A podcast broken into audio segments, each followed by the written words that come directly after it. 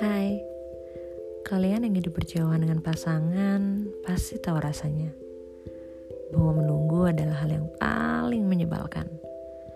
Membuat waktu terasa begitu lama, apalagi sejak pandemi. Semua begitu menyebalkan. Mereka yang rindu sangat sulit untuk bertemu. Mereka yang sudah terlanjur pergi, sulit sekali untuk kembali pulang. Hmm setelah berganti tahun, akhirnya aku masih bisa berdoa. Semoga pandemi ini segera berlalu dan mereka yang rindu bisa segera bertemu. Mereka yang di perantauan bisa segera pulang. Karena kita tidak pernah tahu di titik mana nanti kita akan dipisahkan. Tapi kalaupun itu harus terjadi, Aku berharap semoga itu bukan karena pandemi.